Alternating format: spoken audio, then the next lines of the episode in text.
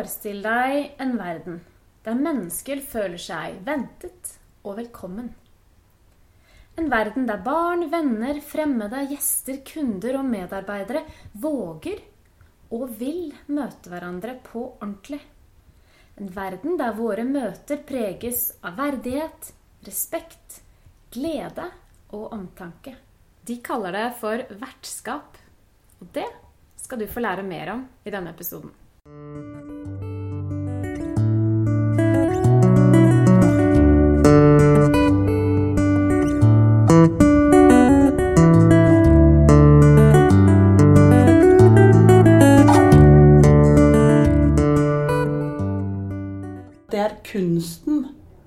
Få mennesker til å føle seg velkommen. Har du opplevd at du møter et menneske som du bare umiddelbart kjenner at åh, det var så godt å møte vedkommende? Det føltes godt, det føltes trygt og hyggelig. Jeg har møtt en del sånne mennesker gjennom mitt liv, og en av dem er Marit Torkelsson. Hun er gründer og leder for Vertskapet. Og Vertskapet de har en praktisk filosofi. Og de sier at vertskap det er en holdning. Når jeg sier vertskap, så tenker du kanskje på rollen som vert i et selskap eller på en gjestegård, men dette handler ikke om det. Det handler om at vi alle er vertskap for oss selv og i møte med andre mennesker hver eneste dag. Marit snakker mye om vertskapsfilosofien inn i bedrifter, men det er akkurat like aktuelt inn i familielivet. For i familien så er vi vertskap for hverandre. Hva slags vert vil du være? Både for deg selv og for dine nærmeste. Vi har vært litt opptatt av de som vi syns er veldig gode på å skape de her gode møtene. Hva er det de gjør? Så vi har laget intervjuer med veldig mange i løpet av mange år om hva er det både enkeltpersoner, men også hva er det noen ledere som har hatt evnen å skape den slags kultur. Ja, for det er noen mennesker som det er veldig godt å møte, som har et eller annet ved seg. Og det er det vi også, når vi er ute i alle slags sammenheng, prøver å få mennesker å selv relatere Hva er det for noen mennesker du har møtt som sitter så sterkt igjen? Og det kan være lenge siden, nylig, men liksom, de sitter igjen der. Kanskje noen har vi jo sånne nesten hele livet. Og så er det andre møter vi er med om, mennesker som vi møter som vi nesten har glemt uken etterpå. Og det er det noe som vi har vært kanskje litt ekstra nysgjerrig på. Hva er det de gjør? For, for meg så, hva, er, hva handler det her om? Det er jo hvordan tar vi til vare på potensialet i alle de møtene vi er med om. Ja, for handler det Tenker du at det er noen mennesker som bare har noen egenskaper som bare ligger der? De bare er sånn?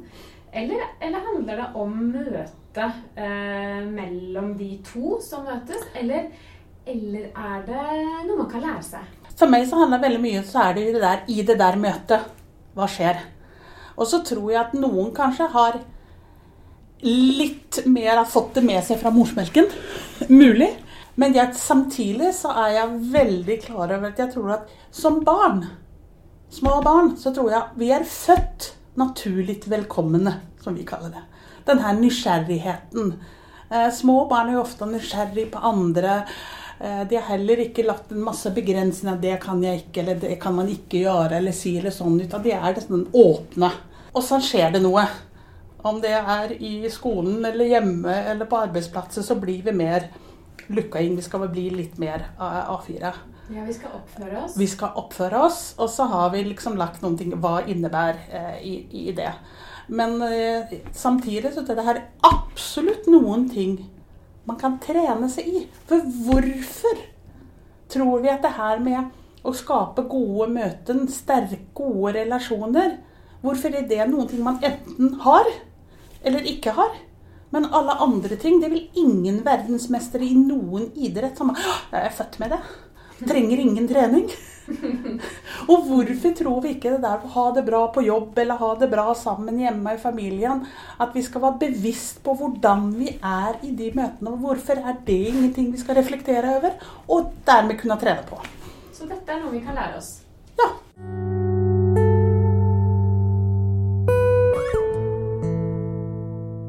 Vi sier at vertskap oppstår på tre litt forskjellige scener.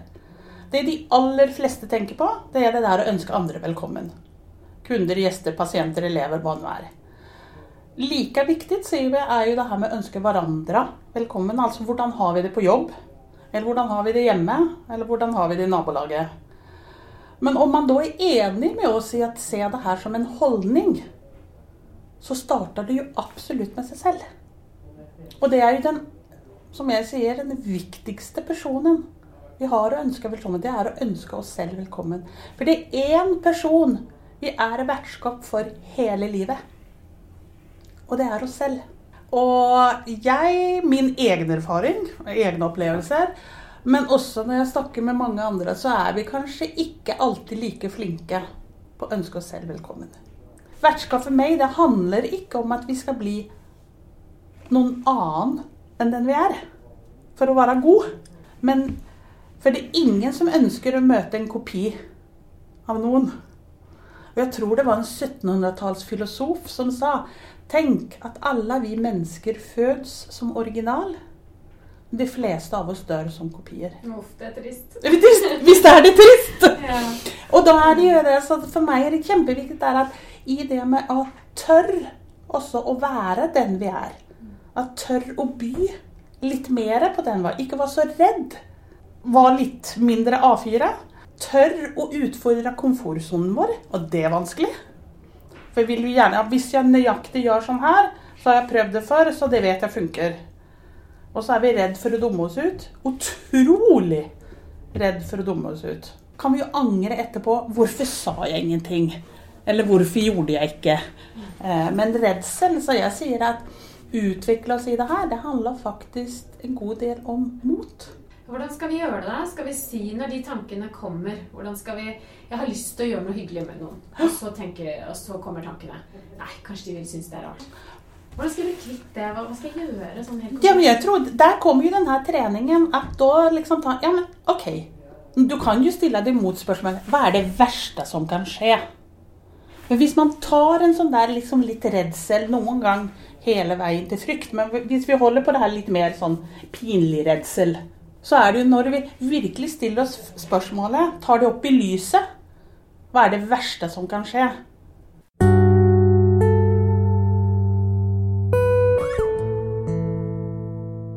Ja, hva er egentlig det verste som kan skje? Marit hun har en eh, veldig god historie som handler om akkurat dette her.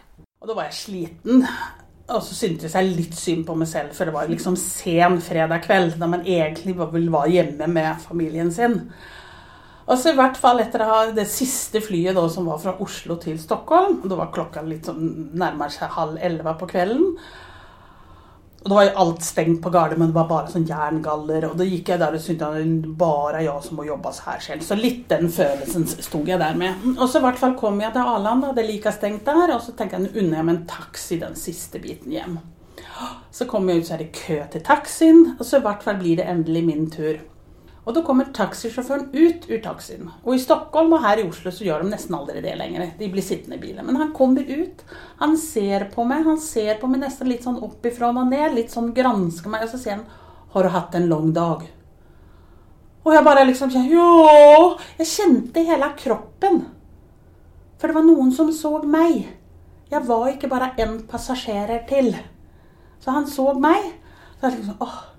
Og så i hvert fall jeg inn i taxien, og så sitter jeg der, og så er han nå snart hjemme. Og så får vi øyekontakt via backspeil, taxisjåføren igjen. Og så sier han er det noen spesiell musikk du vil lytte til, eller vil du ha det stille og rolig? Og jeg bare tenker wow. For det skal ikke mer til. Men det krever tilstedeværelse for virkelig at For jeg følte han så meg. Og han brydde seg om meg. Og det er det der at i alle sånne små mikromøter vi er med om til daglig Det finnes jo forskere som sier 'the micro moments of love'. Det er de her små. Det er mennesker som vi kanskje ikke har noen lang relasjon til. Som meg og denne taxisjåføren. Jeg har aldri møtt han før eller senere. Men allikevel så kan vi bidra til at vi får sånne gode Der vi sitter igjen med noe godt. For jeg satt jo der og tenkte og følte etter Oi, så deilig det var. Han så meg. Og i tillegg så satte det i gang en tanke hos meg. Hvem har fått et spørsmål av meg i dag? Hei, alt det her som vi snakker om nå, eller som jeg snakker om, så er Vi sier at vertskap, det er et valg. At være bevisst på hvordan ønsker jeg å fremstå i møte med andre. Og hva er det jeg vil at kollegene mine, barna mine, kundene mine, eller hva vi velger å kalle dem, hva er det jeg vil at de skal sitte igjen med for en opplevelse etter at de har møtt meg? Nå ser jeg det at du er, gjør at jeg er. Ansiktet ditt gjenspeiler mitt. Jeg blir til meg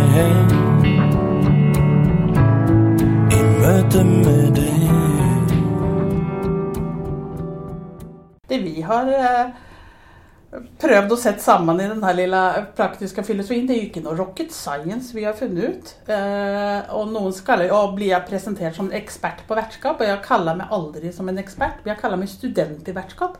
For jeg kanskje er litt mer nysgjerrig enn folk flest på hva er det nøyaktig som gjør at noen er med og bidrar til de her gode møtene. Så man sier, oi, dere føler liksom, ja, Det kan være at noen er flinkere enn andre på anerkjennelse, eller bare på det at vi ser eh, hverandre. Og hva skal da til eh, i det? Jeg tror jo at, at være åpen Nysgjerrig, sa du. Mot har vi snakket om. At generelt en åpen og inkluderende holdning.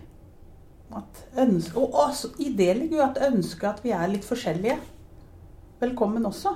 Eh, Men at da i det her, når vi er forskjellige og kanskje syns at dine tanker er der, og det blir litt vanskelig å forholde meg til, og så er du litt slitsom og liksom si og sånn, at allikevel aldri glemme at vi er Vi har mer til felles enn vi er ulik. Og så kan vi jo håndtere eh, det, men det er liksom mye. Sen tror jeg jo i, i tillegg så den her også at finne For hva får vi ut av det? For det får vi ofte spørsmål om. Hvordan merker man da at det gode vertskapet som dere snakker så mye om, finnes et sted? Eh, og, da kanskje vi oftere snakker om det knyttet til kanskje en arbeidsplass. Eh, et eller annet. Så pleier jeg ofte å si ofte er det nok å se noen i øynene som jobber der. Fins litt av det her glitteret i øynene. At det er litt sånn noen som har funnet glede og mening i det de gjør. At de kan bidra. Litt stoltheten over hvem de selv er, og hva kanskje da i det fallet virksomhet eller, eller samfunnet eh, eh, bidrar til. Og dette kan vi ta med oss inn i hjemmet vårt, tenker jeg. Absolutt. Sånn at familien kan få en ny glød. Og kanskje man kan se det litt i øynene på de som bor der. At, de, at det er en, eh, en eh, holdning Ja. og en måte, en tone i det hjemmet som er Mm. god. Mm. Som gjør at man, man blir sett da, Mm. og anerkjent. Ja, og apropos det du sa, at var, gå ut og være litt mer oppmerksom. For det tror jeg det er der det starter. Og når man da tar hjemme, så kan det jo være det her at bevisst som forelder starter med OK, bestemme hvordan vi anerkjenner hverandre hjemme. På hvilken, hvilken måte. Og ikke bare for at hva noen presterer, men den her anerkjennelse for at noen er bevisst eh, jobba med den anerkjennelsen. Og at anerkjennelsen er spesifikk. Til hva er det hos deg som jeg setter som pris på? Jo, men det kanskje er det jeg setter som pris på for at du alltid spør meg om hvordan jeg har det. Så at det blir så spesifikt. For det er jo det noen sier. For da er vi jo med ikke bare som forbilder, men vi setter den her tonen eh, om hvordan eh, vi ønsker, eh, ønsker å ha det. Og så kommer dette til å få ringvirkninger. Ja, absolutt. Jo, men det er jo det her hele feltet, om man tar hele feltet positiv psykologi. Som jo da, man sier, egentlig har funnes bare som felt hva er det, som ca. 30 år som man har forsket på det.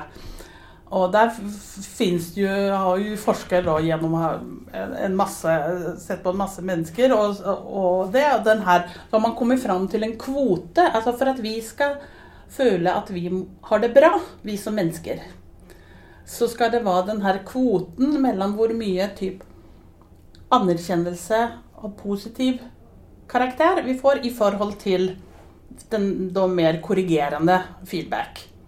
Den kvoten skal være sånn generelt tre ganger mer anerkjennelse i positiv i forhold til den korrigerende feedback. Og hvis det handler om en mer ektefelle- eller partnerrelasjon, den type av kjærlighetsrelasjon, så skal den kvoten være seks ganger mer positiv i forhold til den der korrigerende feedbacken. Og mange ganger når man liksom OK, ja, der skal jeg nå hjem og jobbe litt med den. Ja, for det blir hard jobbing. Hvis du kommer med tre dårlige kommentarer i løpet av en dag, så må du jammen stå på for å rette opp igjen Ja. det der.